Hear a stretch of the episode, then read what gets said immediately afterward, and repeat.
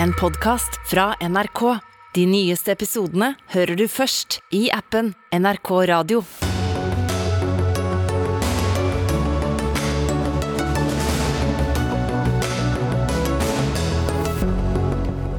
Statsforvalter er ute med klar advarsel i nord. Eh, Får ikke fram pasienter og kritisk helsepersonell. Kan det gå mot eh, tvungen lønnsnemnd i SAS-streiken? Utenlandske arbeidere blir grovt utnytta, viser ny rapport. Et bevis på at vi trenger en storrengjøring i arbeidslivet, mener Arbeiderpartiet. Ingen grunn til svartmaling, svarer NHO. For få år siden var Sri Lanka et ferieparadis for nordmenn.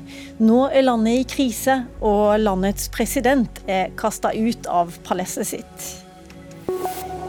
Er det på tide å gjeninnføre arveavgiften? Det er i hvert fall på tide at Arbeiderpartiet tar den debatten, mener nestleder i Agenda. Ja, God kveld og velkommen til eh, dagens Dagsnytt 18-sending, der Lilla Sølhusvik er programleder. Senere skal vi også innom Storbritannia, der en komité i dette øyeblikk diskuterer hvordan maktskiftet etter Boris Johnson skal foregå.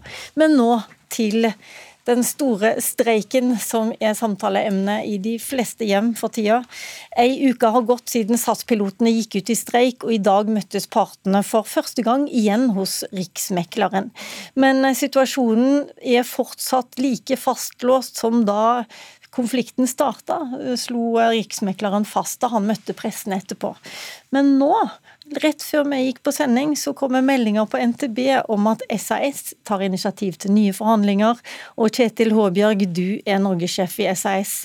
Hva vil dere snakke om? Ja, Nå har denne streiken vart i sju dager. Den har fått store konsekvenser for våre kunder. Og eh, det ble jo nevnt her at statsforvalteren i nord også er bekymra. Eh, Riksmeglingsmannen har gått ut og sagt at vi må se på våre posisjoner på begge sidene av bordet. Og vi ønsker da eh, å ta et initiativ for å prøve å komme i dialog med hensikt å, å løse denne konflikten. Og vi syns det er naturlig at vi, vi, tar det initiativet. Og da er det neste spørsmålet om du har noe å gi? Ja, vi tar til oss at vi får disse innspillene både fra statsforvalteren og fra riksmeglingsmannen at vi er nødt til å bevege oss. Og vi vet jo at vi skal leve sammen med pilotene også etter dette, og vi skal samarbeide godt. Og vi er opptatt av å finne en løsning, så det betyr at vi også må revurdere våre posisjoner. La oss komme tilbake igjen. Vi sitter med, med, de ansatte her også. Men eh, Elisabeth Vik Aspaker, det er du som er statsforvalteren i Troms og Finnmark som i dag har ropt varsko. Hva er det som er så bekymringsfullt i nord som du eh, varsler om nå? Eh, vi har jo fra før en ganske krevende bemanningskabal både i kommunehelsetjenesten og i sykehusene. Eh, og denne situasjonen er jo blitt ytterligere forverra. For nå er det jo sånn at vi eh, mangler og ikke får tilbake helsepersonell som har vært ute av landsdelen av ulike grunner. Og vi får heller ikke inn vikarer. Det finnes jo ikke et ledig flysett å oppdrive i flere uker fremover. Eh, og Det er jo også en situasjon som er uheldig av den grunn at hvis det er pasienter nordfra som trenger å flys til behandling i Sør-Norge, så er heller ikke det en, eh, en mulighet nå. Så det er en ekstra alvorlig situasjon, sånn som vi vurderer det. Eh, og det er det er derfor vi tok initiativ til dette møtet med Helsetilsynet i dag, for å gi dem en uh, siste og en helt fersk oppdatering på hvordan situasjonen nå er i mange kommuner og i sykehusene i Nord-Norge. Sa du da rett ut at dette går utover liv og helse? Det er ikke vi som uh, vurderer når det går utover liv og helse. Det er Helsetilsynet som gjør den vurderinga. Men med i møtet i dag var alle helseforetakene i Nord-Norge. Vi hadde med en kommune, og Helse Nord var også med i det møtet. Og jeg tror vi fikk ganske godt formidla den situasjonen som man nå står i. Og så er man jo redd for at streiken kan komme til å vare enda en stund. Og det er klart at en vanskelig situasjon i dag, den blir ytterligere forverra hvis streiken kommer til å vare videre. Men nå hører du norgessjefen i SAS sitte her i studio i Dagsnytt 18 og sier at eh, nå skal de snakke sammen igjen. Du, har du tid til å vente på at eh, partene kommer sammen, kommer med nye forhandlinger? Altså, vi har gjort en avtale med Helsetilsynet i dag om at vi skal eh, rapportere enda mer detaljert og, og, oftere i tida som kommer. Og så er det jo Helsetilsynet som må ta stilling til når eh, nok er nok, og at, eh, at det er fare for liv og helse. Men det er klart for hver dag som går, så blir situasjonen i sykehusene og helsetjenesten mer og mer prekær. Tusen takk, eh, Elisabeth Aspaker, statsforvalter i Troms og Finnmark. Eh, jeg vender meg til deg, da, Roger Klokseth. Du er leder i Norske, Norske SAS-flygeres forening. Er du klar til å gå i forhandlinger igjen? Ja, Vi har jo sagt hele veien at vi eh, er interessert i en avtale med SAS. Det er jo derfor vi har drevet forhandlinger i åtte måneder. Eh, og jeg hører Kjetil her si at eh, det er på tide å komme seg inn i forhandlingsrommet igjen. Det er vel en uke for sent, syns jeg. Jeg syns det er en unødvendig streik, dessverre. Vi har jo blitt pressa i et hjørne der vi ikke hadde noen andre alternativ, rett og slett.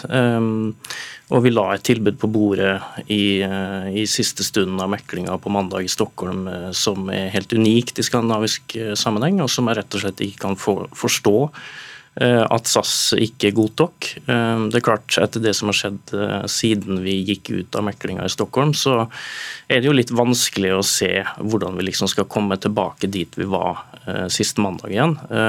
Men vi har hele tiden sagt at vi Men unnskyld meg, når du sier ja. det, betyr det at du ikke kommer til å starte der du var sist mandag, men på et annet sted? Det, det, får vi eh, holde til forhandlingsrommet. Eh, men det er klart at i etterkant av at vi eh, forlot Stockholm og meklinga der, så har jo vi avstemt det her med medlemmene våre. Og det er jo de som sitter med mandatet på vår side. Det er de som bestemmer. Så vi må jo forholde oss til det mandatet vi får fra de, akkurat som SAS-ledelsen må forholde seg fra mandatet de får. Men nå hørte du Håbjørg sa at eh, ja, han er villig til å komme med nye ting. Har du noen nye innrømmelser å komme med? Ja, jeg hørte han sa det, og jeg fikk jo vite det på vei inn i studio. og Det er jo, det er jo ikke slik jeg har oppfatta det som har leda opp til at vi skal møtes igjen. Det her er mer et initiativ fra meklerne, slik jeg har oppfatta det. Men, men, hvis SAS ønsker å, å, å, gjøre noe eh, nummer ut av at de er villige til å eh, etterkomme den eh, forespørselen fra meklerne, så må de gjerne gjøre det. Vi er rause nok til det. Og det er klart, vi stiller jo, og vi ønsker en løsning. Vi er løsningsorientert, har vi vært hele veien. Og vi har gått, har gått ekstremt langt i å komme SAS i møte. Jeg kjenner ingen annen gruppe, verken internt eller eksternt, som har gått like langt eh, i å sikre SAS okay. videre. Håbjørn, kan ikke du fortelle oss hva, hva er det du har å komme med? Jeg tror det er viktig for oss å poengtere at dette er ikke noe vanlig tariffrevidering. Det er ikke noe vanlig tarifforhandling. Dette er faktisk et, eh, en diskusjon om SAS sin fremtid og SAS sin eh, eksistens. Så, og det, det, gjør det selvfølgelig veldig tøft for oss. Men nå har vi hatt streik en uke. Vi syns og det nå... sa du, men bare konkret, hva har du å komme med? Ja, Det syns jeg, i likhet med Roger her, at vi skal holde til meklingsprosessen. Men vi tar denne prosessen veldig alvorlig, og vi skal ta med oss ting i diskusjonen som vi håper medfører en dialog som har formål å få slutt på denne streiken, slik at vi kan fortsette å bygge fremtidas SAS. Så sent som denne helga har vi hørt dere krangle omtrent offentlig om eh, hvorvidt charterturister eh, skulle sendes hjem fra steder som faktisk hadde alternative flytransport. Eh, var det den saken som, som var for ødeleggende for SAS sitt renommé, Håvjørg? Nei, eh, jeg tror det bare viser ganske tydelig at det er svært krevende for våre passasjerer å komme seg hjem. Det er veldig mange som reiser med SAS på, på denne tida av året, og sammen med pilotene så er vi helt avhengig av å finne en løsning, slik at vi kan komme i normalt gjeng igjen, og folk kan komme seg hjem og, og på ferie. Men eh, står du fast ved eh, at, at SAS-ledelsen gikk for langt her, klokt Eh, i meklinga og i de forhandlingene. Nei, nå tenkte jeg egentlig mest på disse charterturistene ja, som det... du beskyldte han for å utnytte nærmest uh, muligheten til å sende og sette opp noen fly, flyreiser? Ja da, Det er ikke tvil om at den avtalen eh, ble brutt fra SAS sin side i forhold til de forutsetninger vi la inn. Eh, for Et viktig aspekt for oss det var jo at eh, veldig mange av SAS sine flyvninger går jo, selv når vi streiker, fordi SAS har leid inn veldig mange andre flyselskaper som males i SAS sine farger. Og Vår første forutsetning var at SAS skulle omdisponere kapasitet og bruke disse selskapene primært for å hente charterturistene. Det tillot vi. Men vi sa også at vi kunne stille med noen av våre fly og ta noen av våre piloter midlertidig ut av streik for å hjelpe til. Og så var den andre forutsetningen at det skulle være destinasjoner der det rent fysisk fantes veldig få alternativer. Eh, begge de forutsetningene ble brutt, vi, og det så vi allerede på fredag og tok opp det med SAS-ledelsen. Eh, de gjorde ingenting, men vi lot det gå gjennom helga siden crew og passasjerer allerede var kalt ut. Håbjerg. Ja, bare veldig kort. Så tror jeg Vi ser jo at kundene rett og slett ikke klarer å komme seg hjem. slik at denne desperasjonen eh, kan vi godt dele eh, med, med, pilotene også. Men nå tror vi uansett, da, og, og disse destinasjonene mener vi var forankra. Det var diskutert. Eh, men nå tror vi at det er viktig å komme i en eh, diskusjon hvor vi faktisk prøver å få slutt på denne streiken. Er det risikoen for tvungen lønnsnemnd som gjør at dere nå må reagere? Nei, men eh, vi ser jo at de er bekymra. For oss er det viktig at vi finner en løsning sammen med pilotene, slik at vi ikke kommer i en situasjon hvor tvungen lønnsnemnd blir aktuelt. Nå har dere snakka sammen her i Dagsnytt 18. Skal dere gå rett i møte nå? Ja, vi har vel ikke, Det er vel i morgen vi skal ha møte, men uh, initiativet er i gang. Og vi håper nå at vi kommer i, i ordentlig gode diskusjoner med pilotene. Hvor bekymra er du for tvungen lønnsnemnd, Klokseth?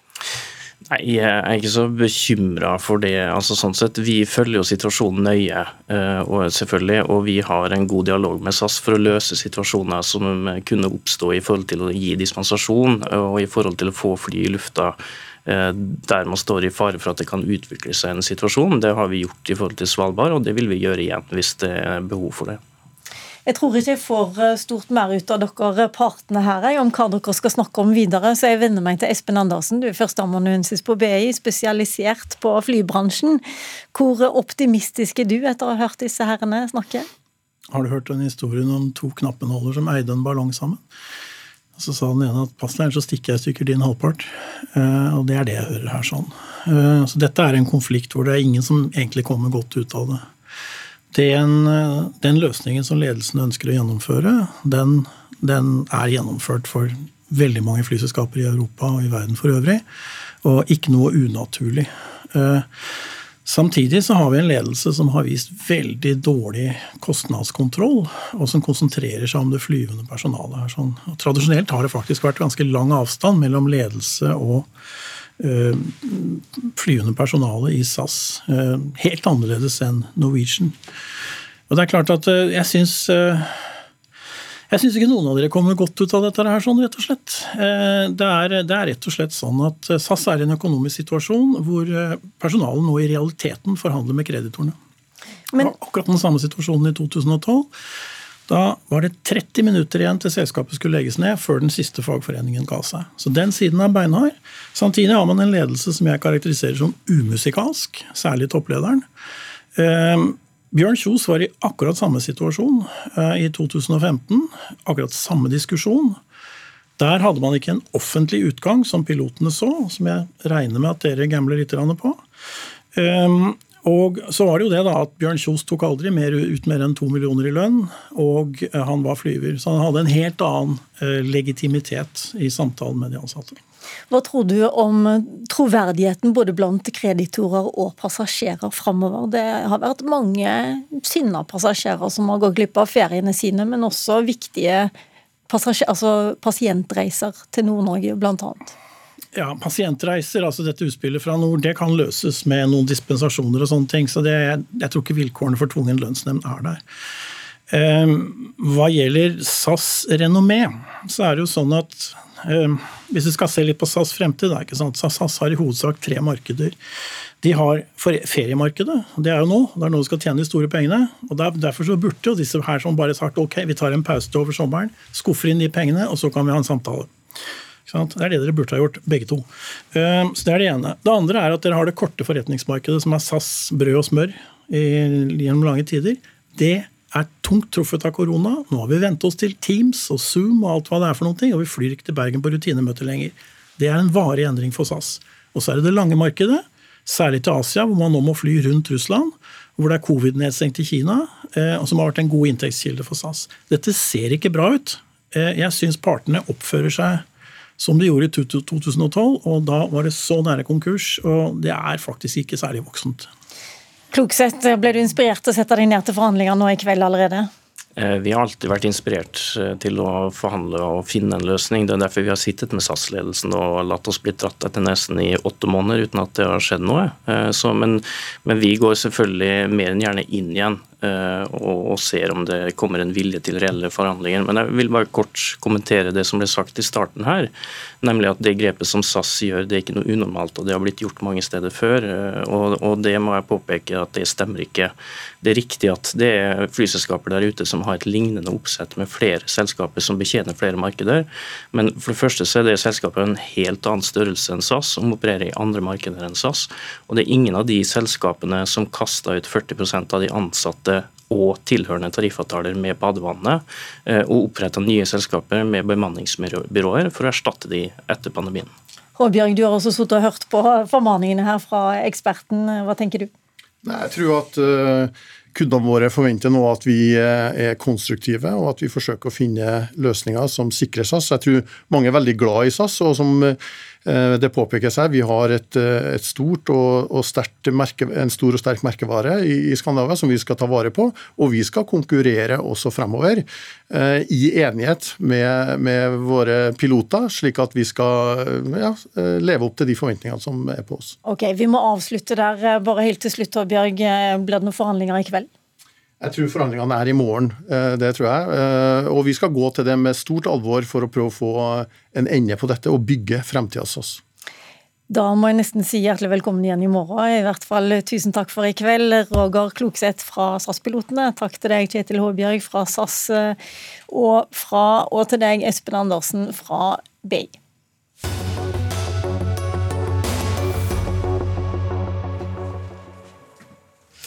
Arveavgift er nødvendig for å redusere forskjellene på boligmarkedet. Det skriver byrådsleder Raymond Johansen i en kronikk i Aftenposten i helga.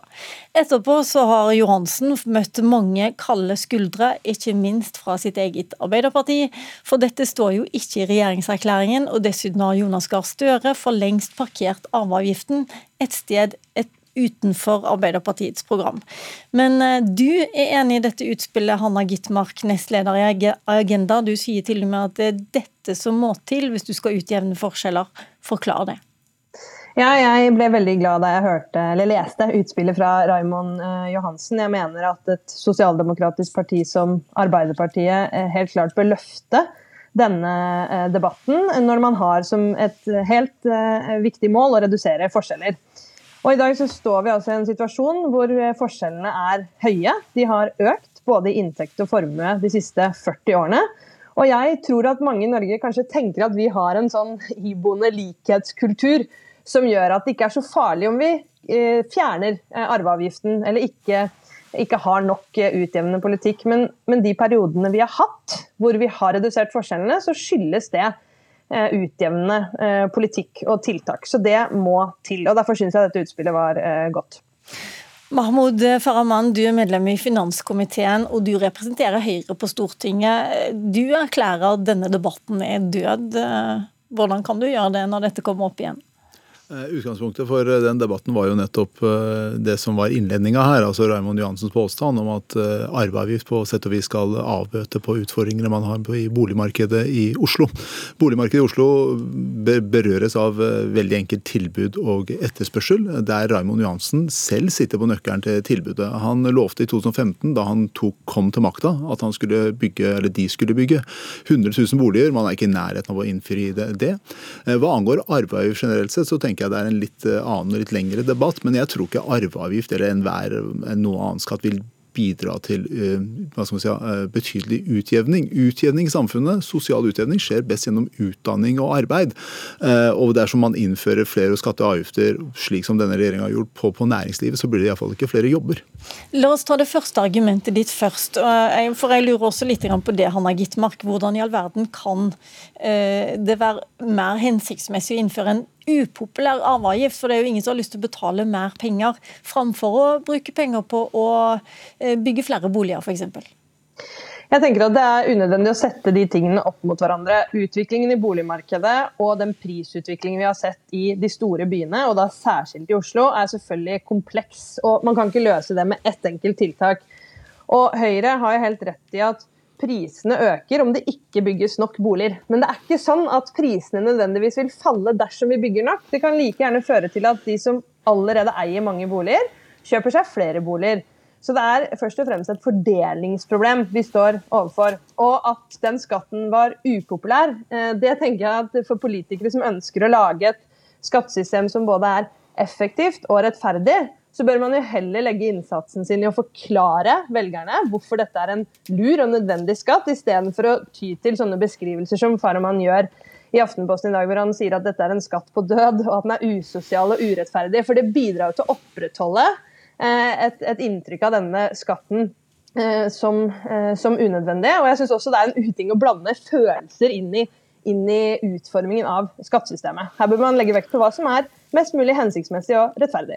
Faraman. Hvis jeg skal få lov til å svare på det, så, så, er det jo ganske interessant å se at man ikke vil involvere følelser når man på en måte begynner å snakke om sosial urettferdighet osv. Jeg syns det er litt, litt eh, underlig debatt å ha på, den, på det slik som det har starta, iallfall. For hvis vi snakker om boliger som er hovedfokuset her, så har vi jo hatt et mål om at folk skal eie sin bolig.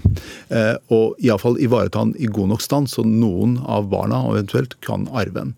Eh, jeg, jeg tror det er best at man ser på de løsninger som finnes rundt boligbygging eh, på tilbudssida. Men, Men for, man, kanskje bare få avbryte deg litt der, fordi at eh, Hvis du spør ekspertene om hva er det, hvilke skatter er det som utjevner mest effektivt, så er det enten boligskatt eller arveavgift.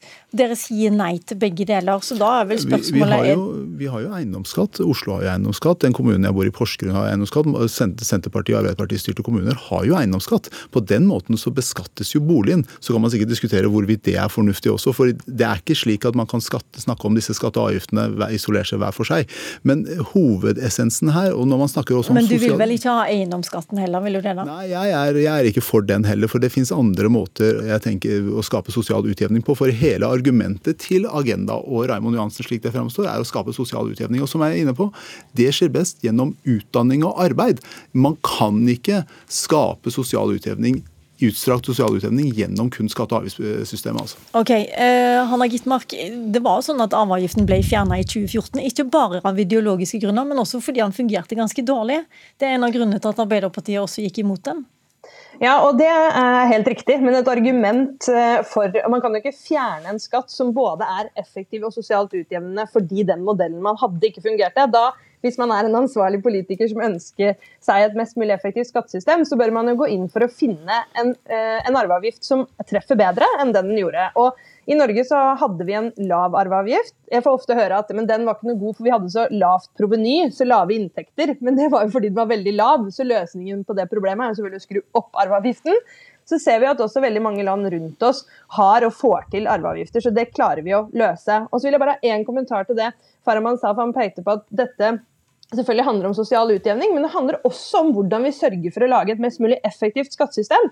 Og hvis man, som jeg opplever at Farahman er, er opptatt av hva slags type skattesystem som best stimulerer næringsutvikling, så sier jo alle, både nasjonale og internasjonale skatteeksperter, at vi heller bør øke skattene på arv og på eiendom og redusere dem på inntekt. Det vil ikke bare være sosialt utjevnende, men også skape et mer effektivt eh, skattesystem og okay. da bidra til bedre næringsvilkår. Vet du hva, Nå vet jeg at uh, Mahmoud Farahman gjerne skulle hatt uh, ordet, og det beklager jeg, men vår tid er ute for denne debatten. Vi får komme nærmere tilbake igjen til det når, når, det blir mer konkret med et forslag. Tusen takk til deg også, Hanna Gitmark fra Agenda.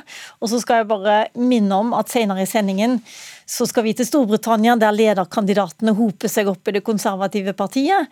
Akkurat nå sitter en komité eh, i møte for å avgjøre hvor lenge Boris Johnson kan sitte.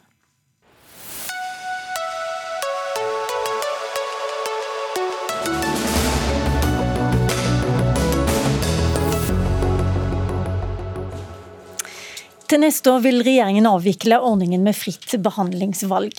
Siden 2015 har pasienter fritt kunnet velge mellom private eller offentlige tilbud, mens staten og det offentlige tar regningen. Dette er en av de sakene som virkelig har skilt høyre- og venstreside i norsk politikk.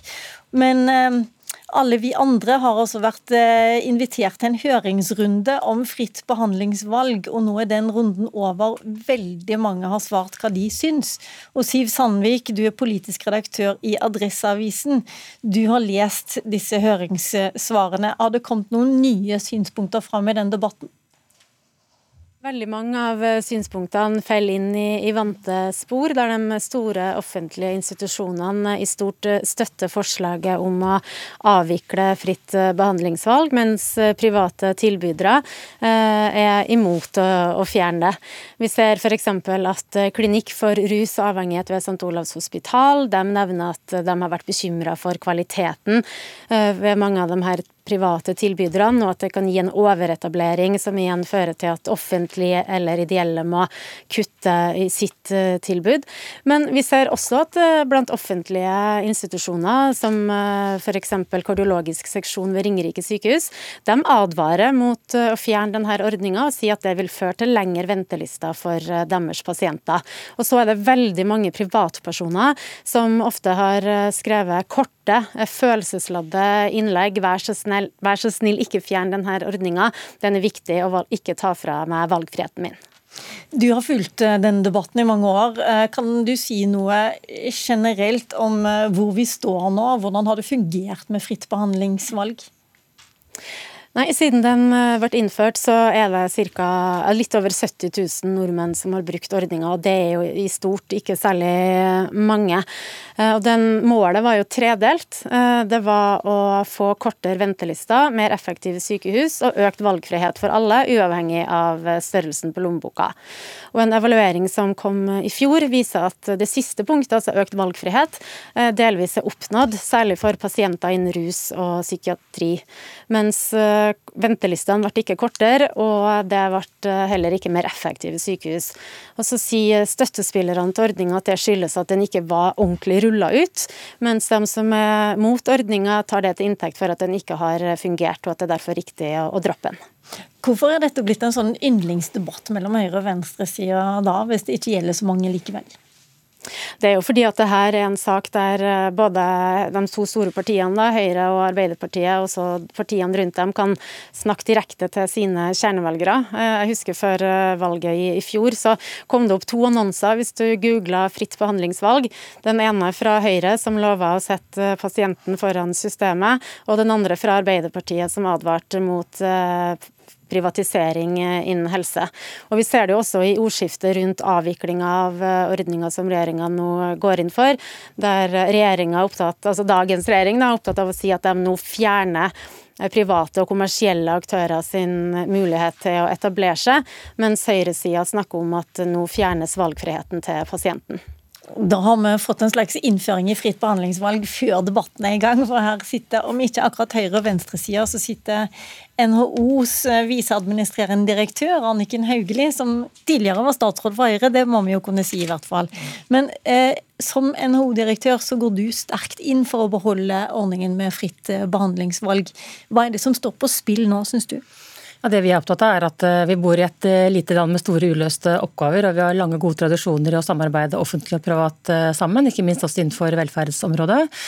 Og Det har de siste årene vært en rekke private leverandører, kommersielle som ideelle, som i samarbeid med det offentlige har levert gode, fungerende tjenester til stadig flere pasientgrupper, ikke minst innenfor rus og psykiatri. Det vi nå ser med det som forslaget fra regjeringen, er jo at den ordningen den vil jo da avvikles. Det betyr at det er eh, langt færre pasienter som vil kunne velge behandlings, eh, den behandlingsformen de ønsker, og det stedet de ønsker å bli behandlet ved. Det blir færre muligheter til det. Flere fagmiljøer kommer til å gå tapt. Flere steder vil bli naturlig nok avviklet. Man kan jo ikke drive for altså Mange av de vil være avhengig av offentlig finansiering. og Det betyr at igjen så vil denne type private tilbud som da overlever, de vil jo da kun bli finansiert av de som har råd til å betale for det selv, eller via at andre har betalt for det, eller, eller forsikring. Så vi, vi mister et viktig tilbud til pasientgrupper så vi mener at vi i all hovedsak trenger mer av for å løse oppgavene som okay. vi står, burde stå sammen om. La oss spare noen argumenter til etterpå. Karl Christian Bekeng, du er statssekretær i Arbeiderpartiet. Er det noe som helst i de høringssvarene dere har fått til nå som kan få dere til å ombestemme dere? Det er jo, som eh, Sandvik påpeker, ganske vante linjer eh, disse høringssvarene legger seg opp i. Så jeg tror eh, at vi ønsker å avvikle ordningen fritt behandlingsvalg, det er vi fortsatt ganske trygge på. Men det er noe i hvordan overgangsordningen skal innrettes, og det er også en del knyttet til hva slags gode ting man mener har kommet med ordningen, som det er viktig å ivareta videre i det avtaleforholdet man skal ha med private aktører, som det kan være verdt å ta en titt på. Det skal vi i hvert fall gjøre når vi leser disse høringssvarene nøye. Men alle disse aktørene som har spilt en viktig rolle, og som nå antageligvis går dukken, er dere ikke bekymra for dem? En god del av aktørene mener vi ikke burde være en del av den offentlig finansierte helsetjenesten. Og for eksempel? Dette handler om er helsehjelp det samme som å selge kaffe eller andre typer produkter? Og det mener vi at det ikke er. Det er en del ting knyttet til det å gi helsetjenester som krever noe knyttet til faglig kvalitet, som en del av de sykehusene som avgitt høringssvar peker på. Og også eh, det å tiltrekke seg pasienter som om de var kunder, som man gjør på denne markedsplassen som fritt behandlingsvalg er, da, det som ble innført i 2015, gjør også at du eh, kanskje selger litt mer enn det du tilbyr. Ok, Hva er det da helsebransjen svar på eh, kaffebrenneriet, f.eks.? Altså, poenget her er f.eks. Eh, en aktør som VG har eh, påhekt, Englegård, som ble stengt, og som ikke tilbød så veldig mye behandling, men trakk mye penger gjennom fritt behandlingsvalg fra lokalsykehus, fra akuttpsykiatri, uten å egentlig tilby veldig god behandling.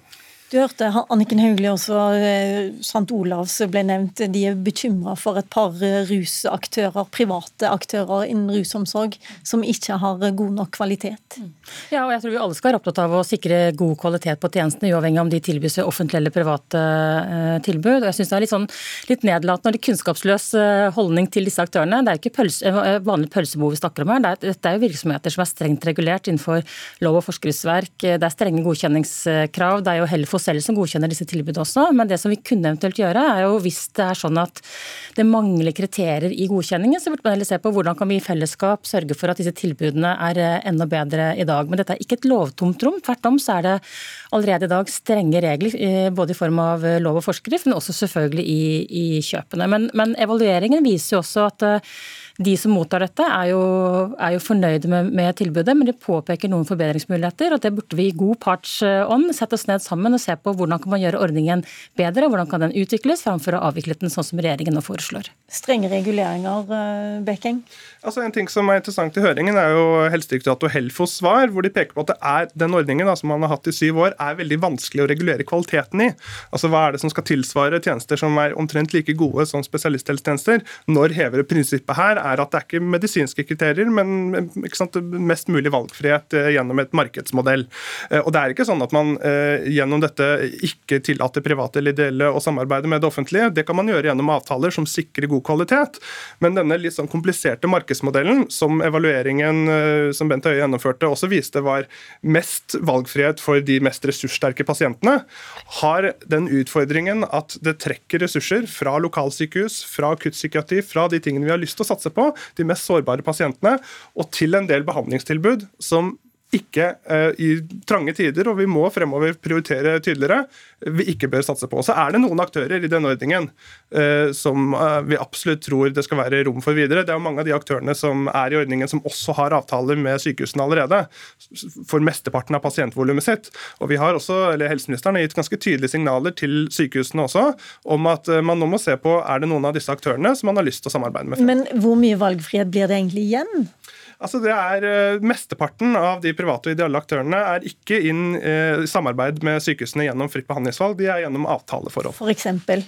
Nei, F.eks. Aleris eller en del andre, men eh, mange av de har da fritt behandlingsvalg på toppen. Og så er det noen få, det er vel ca. 25, som bare har fritt behandlingsvalg. Men jeg tror det Helsedirektoratet viste noe viktig, nemlig at dette er pasienter som ofte er svingdørspasienter, ruspsykiatri, hvor det er vanskelig også å, å lage et kanskje ensartet behandlingsform, fordi det krever individuelle tilpasninger til de pasientene. Og ved at man nå avvikler den ordningen, det betyr at disse vil få et eh, dårligere tilbud enn ellers. Men vi mener også at når man nå skal gjøre dette, så er det i hvert fall viktig at de som har inngått kontrakter, kan få beholde kontraktene perioden ut. Dette er jo virksomheter som har investert i både personell og, og lokasjoner. Og man må sørge for at de pasientene som er inne i et løp nå ikke settes på gata av ideologiske og prinsipielle grunner, men tvert om sørge for at de nå faktisk ivaretas på en god måte. Høringsnotatet gjør det ikke. Da fikk du med deg den, eh, Karl Kristian Bekeng, statssekretær eh, i Helsedepartementet. Takk også til Anniken Hauglie, som er viseadministrerende direktør i NHO. Vi må avslutte der, og bare minne om at eh, fritt behandlingsvalg det skal avvikles 1.1.2023.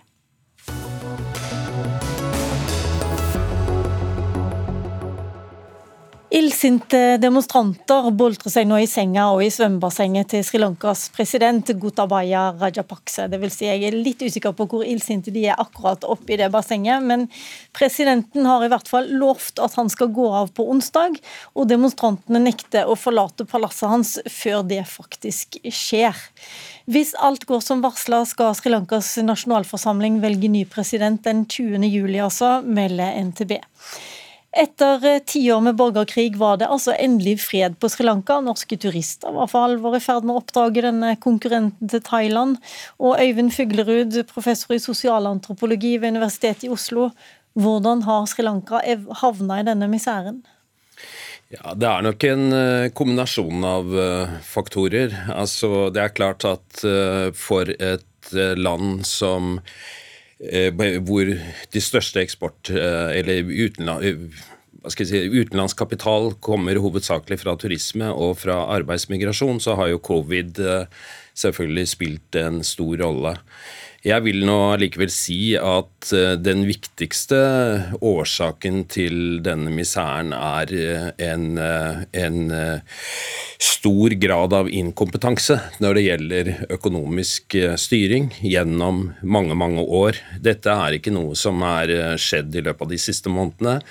Dette er i stor grad en varslet eh, katastrofe som eh, økonomiske eksperter har sett komme gjennom mange år. Og det dreier seg i stor grad om store låneopptak, eh, i, i, i vesentlig grad brukt på på det man kan kalle hvite elefanter, altså prestisjeprosjekter som, som kaster lite av seg økonomisk.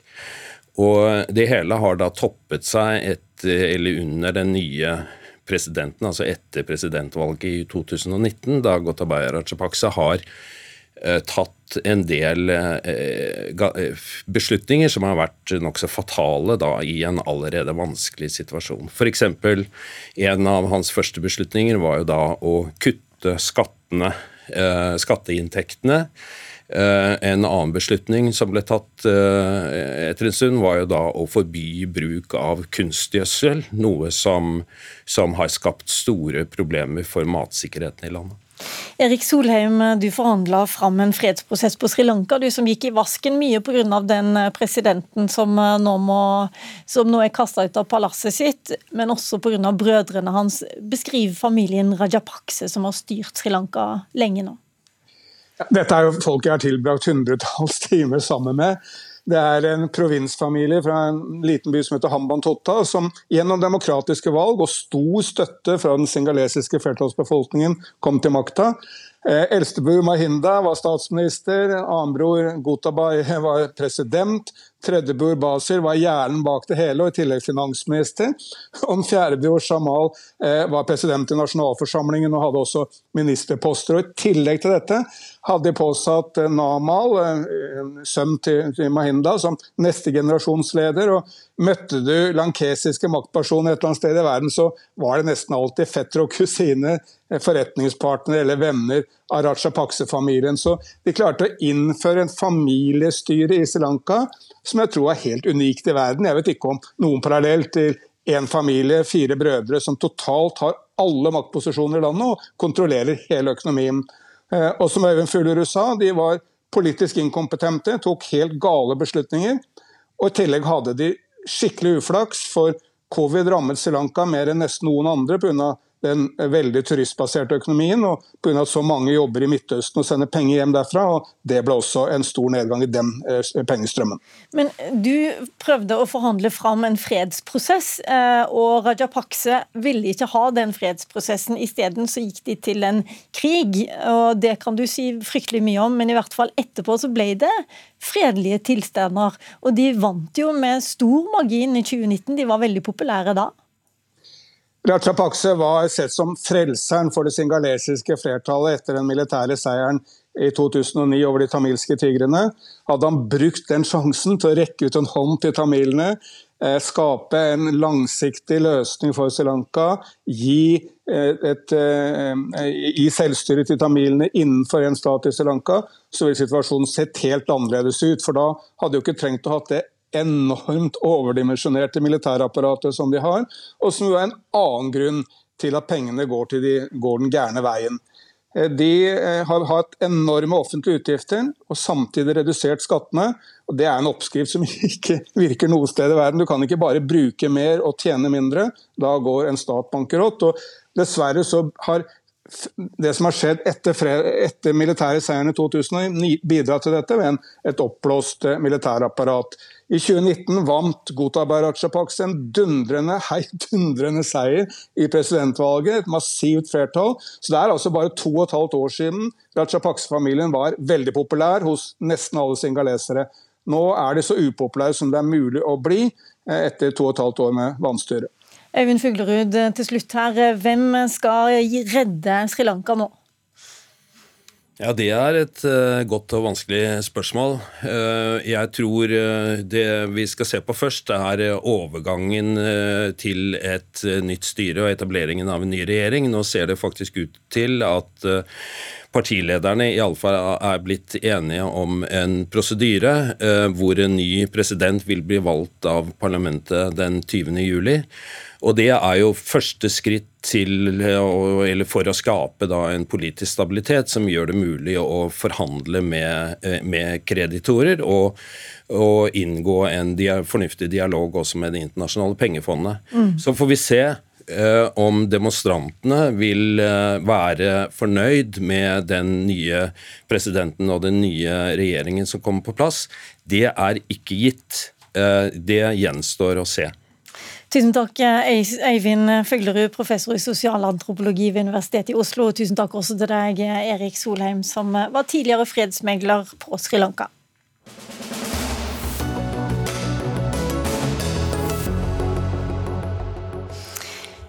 Flere arbeidsgiverorganisasjoner, og nå senest Kristin Skogen Lund i Skipsted også, har reagert på at Jonas Gahr Støre eh, har ønska seg en storrengjøring i norsk arbeidsliv.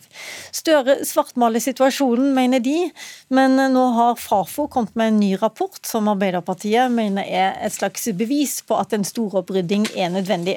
Før vi går til denne debatten, skal vi snakke med deg, Anne Mette Ødegård, seniorrådgiver i Fafo. Du har sammen med Anette Brunowski skrevet denne rapporten om grov utnytting av utenlandske arbeidstakere. På hvilken måte blir de utnytta, mener du? Ja, nå er vi i den mørkeste delen av arbeidslivet, altså nederst på stigen. Eh, det er eh, folk som eh, er ofte midlertidig ansatt, altså de er jobber fra dag til dag. Kommer, veldig mange av dem kommer fra Romania og Polen. De har et veldig sterkt avhengighetsforhold til eh, arbeidsgiveren sin. Eh, og f.eks. I forbindelse med at det skaffes bolig til dem mens de er i landet.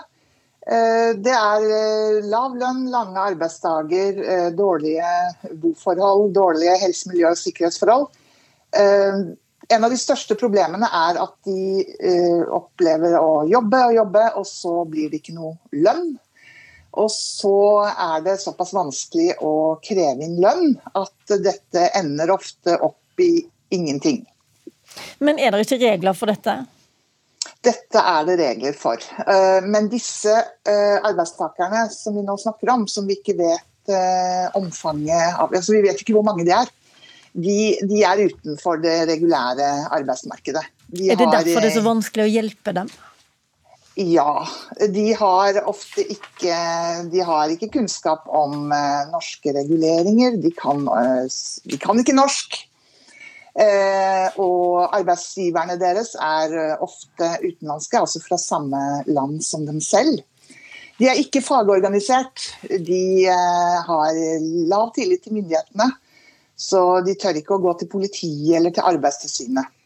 Hva skal til da for at de skal slippe å oppleve lønnstyveri, ID-tyveri, alle disse overgrepene som, som, er beskrevet i den rapporten deres? Ja, vi tror altså for denne gruppa så Vi har liksom skrevet at det er, det er både et lovtomt rom og et tiltakstomt rom. Dvs. det vil si at denne gruppa her, eh, den trenger både sosialfaglig bistand og, og arbeidsrettslig bistand. Og, og, det, og, det, må være lavterskel, det må være folk som snakker språket deres. Eh, de trenger jo, når de da, Vi har tatt utgangspunkt i arbeidet til Kirkens Bymisjon eh, for denne gruppa. Eh, og de som da til slutt kommer til Kirkens Bymisjon, de er eh, ofte så utslått at de trenger eh, mat og klær og dusj før de da begynner å fortelle. Ehm, sånn at det er, det er, på en måte behov for en ny type eh, tilbud som kombinerer altså bistand sosialfaglig med rådgivning, sånn at de f.eks. kan eh, få hjelp eh, til rettshjelp, eller at de kan melde saker til politiet. Ok. Vi må, vi må, det, det høres ut som om du har en enda lengre liste, men den var ganske lang den du kom med også. Tusen takk for at eh, du var med oss, Anne Mette Ødegaard fra Fafo. Eh, Nils Kristen Sandtrøen, du er stortingsrepresentant i Arbeiderpartiet. Er det her du skal begynne storrengjøringen? Her skal vi helt klart ha storrengjøring. Det er åpenbart. Og vi har sett dette problemet utvikle seg over tid. Vi skal huske på at allerede før alle de krisene som vi har hatt nå, fra korona osv., så, videre, så var det sånn at mange i privat sektor, blant dem som er lavest betalt i Norge, fikk dårligere kår på starten av 2000-tallet. Så mye som 10% av de lavest betalte i privat sektor har SSB dokumentert har fått dårligere forhold. Og Da mm. sier det at det er et systemproblem.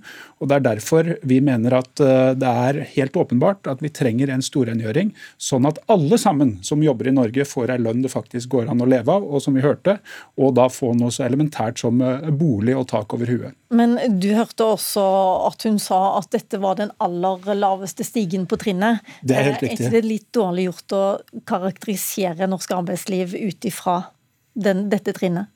Vi i Arbeiderpartiet er jo veldig stolt over det vi har fått utvikla sammen med fagbevegelsen for at de fleste har det trygt. Men det holder ikke bare at eh, de fleste har det trygt. Alle må ha det trygt for at samfunnet vårt skal fungere så godt som det kan.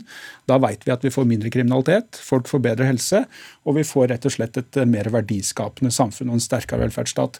Så dette er et problem som går utover alle sammen. Og du kan tenke deg ungdom som ønsker seg ei framtid innenfor deler av disse bransjene, enten det er i byggenæringa, det er i renhold eller grønt næring, fiskeriforedling, den blir jo også selvfølgelig påvirka og da egentlig i realiteten skubba vekk fra disse viktige arbeidsplassene.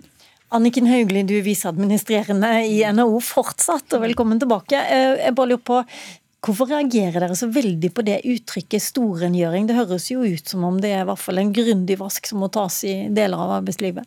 Fordi man er med på å svartmale et arbeidsliv som eh, i all hovedsak er veldig bra. Alle rapporter viser jo at eh, vi har kanskje verdens beste arbeidsliv, hvor ni av ti trives på jobb. Det er helsefremmende, det er god partsdialog, eh, og det er ryddig ordnede forhold. Og det den rapporten fra Fafo så fortjenstfullt viser, det er jo at det er deler, ikke av egentlig det ordinære arbeidslivet, men det irregulære, som også Fafo selv sier, hvor det ikke er bra. Det som Fafo-rapporten viser, det er at du har en gruppe mennesker som da oppsøke Kirkens Bymisjons eh, tilbud, som ikke har rettigheter, enten fordi de er eh, ulovlig innvandret, fordi de kanskje ikke har betalt eh, skatt, det viser også rapporten, og som derfor ikke har rettigheter. Så det er selvfølgelig et politisk spørsmål om man ønsker å gi disse økte rettigheter i dag enn det de allerede har.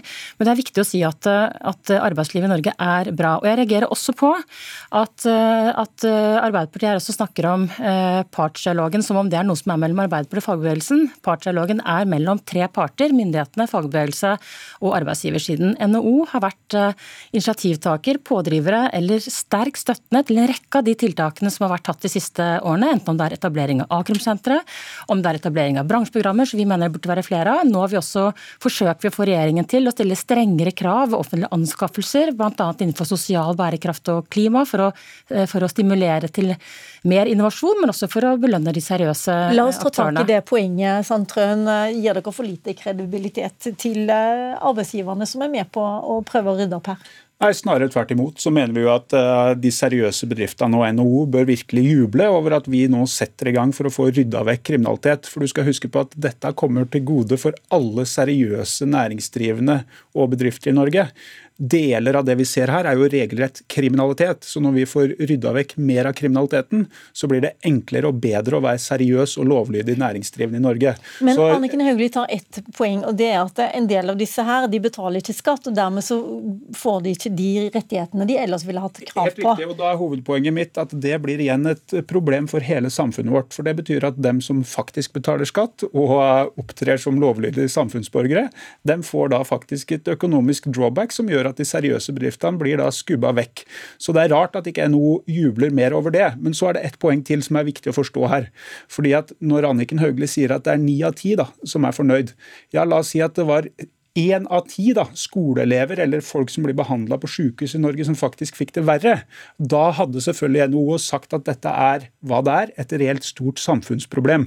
Så det er ganske store tall det er snakk om, og det påvirker som sagt oss alle. og Det er derfor vi virkelig nå må ta rota og få satt i gang storrengjøring, som vi allerede har gjort. For vi har styrka arbeidsmiljøloven, vi har styrka Arbeidstilsynet, og vi har styrka retten til heltid. Er det ikke lettere å gjøre noe med problemene hvis man erkjenner at man har en stor oppgave foran seg, og gjerne sette noen litt store merkelapper på det? hyggelig? Ja, men, storrengjøring er vel noe man har når hele huset skal vaskes eh, ned, mens det vi snakker om her er kanskje litt uh, kosting under sofaen der hvor det er ekstra møkk, og det er vi helt enige, helt enige om.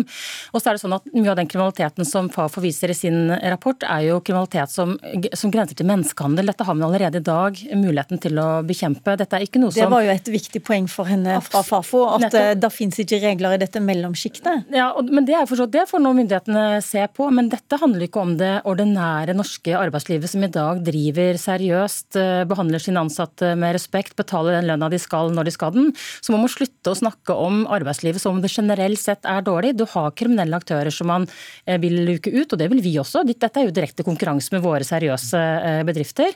Men jeg mener at vi må jobbe sammen for å se hvordan vi kan gjøre det, istedenfor den voldsomme angrepet på privat næringsliv eh, generelt, som det vi opplever å, eh, å få.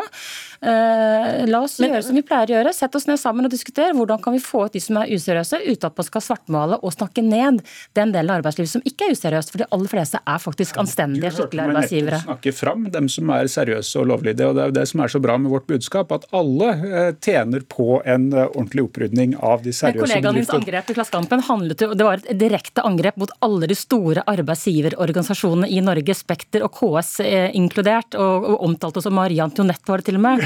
Så det er noe med også retorikken som man bruker, som er ganske nedslående i en tid hvor vi heller burde faktisk jobbe i fellesskap om å løse oppgaver som vi står sammen om og har interesse av å løse i fellesskap. Og det er det vi reagerer på. At det er en sånn voldsom svartmaling av et arbeidsliv som er veldig bra. Men vi er enig i at vi skal ta de useriøse. De er i direkte konkurranse med oss men det er langt fra de fleste. Tvert imot er det et veldig veldig lite fåtall, og mange av de har det også muligheten til å ta i dag, hvis man styrker de offentlige etatene som har muligheten til å gjøre det. Arbeidstilsynet, skatteetaten, okay. Eh, politiet, ja. som kan straffeforfølge. Vet, vet du hva, Den videre oppvasken mellom NHO og Arbeiderpartiet får dere ta utenfor dette studioet. For vår tid er omme for denne debatten. Tusen takk, Anniken Hauglie igjen fra NHO, og takk til deg, Nils Kristen Sandtrøen fra Arbeiderpartiet.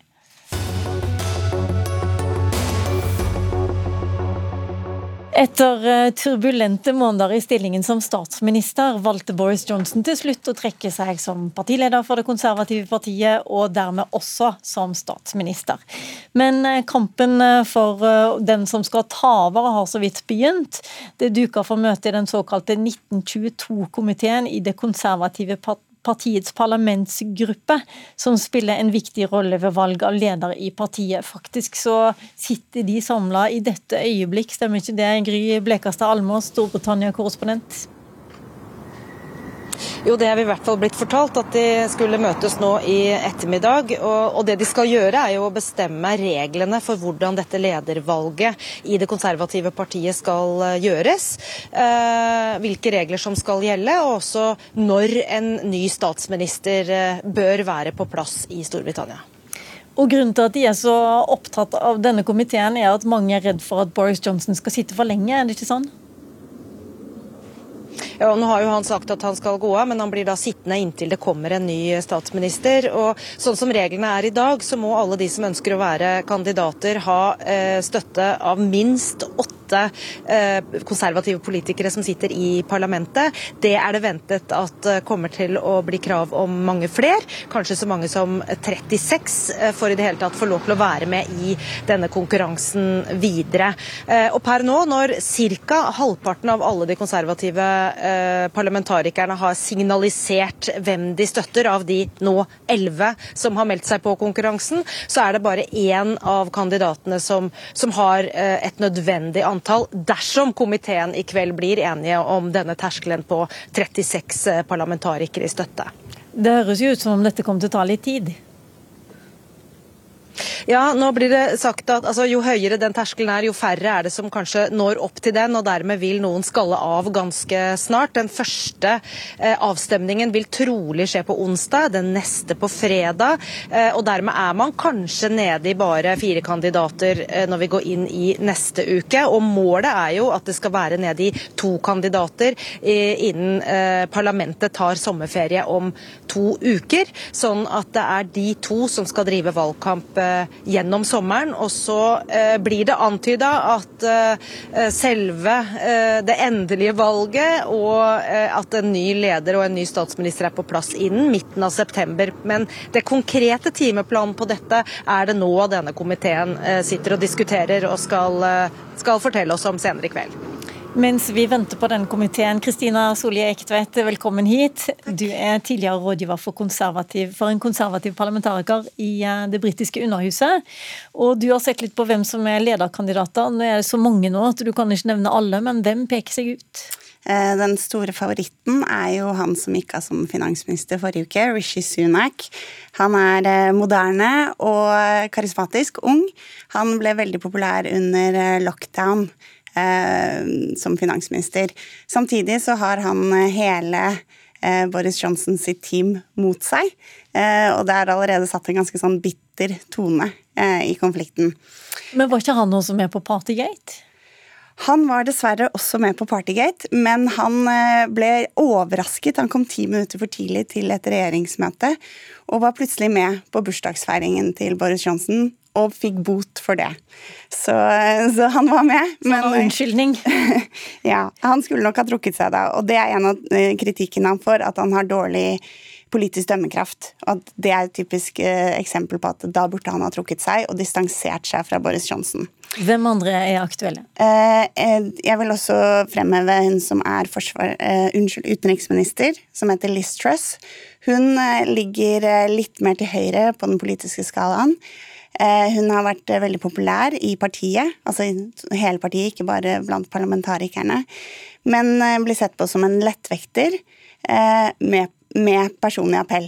Men hun vil antageligvis få støtte av de som fortsatt støtter Boris Johnson. Så derfor er hun, hun spennende å følge. Og til sist vil jeg nevne han som da ble finansminister forrige uke, som heter Nadim Sahawi. Han har bare vært ett år i regjering som utdanningsminister, men han er eh, svært effektiv og veldig godt likt. Og han hadde ansvar for utrullingen av vaksiner eh, når Storbritannia hadde det i 2020 og 2021. Og det var sett på som en kjempevellykket eh, operasjon. Så han Men det var han som sa ja til å bli finansminister for Boris Johnson, og så gikk han et par timer etterpå og sa at Boris Johnson burde eh, trekke seg? Absolutt. Eh, det får han kritikk for, fordi han sa ja på tirsdag til å bli finansminister. Torsdag morgen sendte han et brev hvor han sa 'du må gå'. Eh, så alle kandidater har en slagside. Og de sier jo alltid sånn at det er ikke favoritten som vinner. Så om det taler til Rishi Sunaks misfordel eller ikke, det får vi bare se.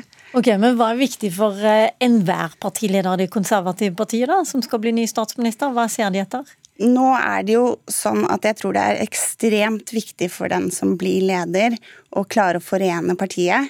Det har vært ganske voldsomme år med en intern brexit-strid som, eh, som, har gjort at venstresiden i partiet har blitt veldig svekket. Eh, Bl.a. fordi at 21 moderate parlamentarikere måtte gå eh, fordi de ikke ønsket at man skulle gå for det som kalles en hard brexit. Da. Mm.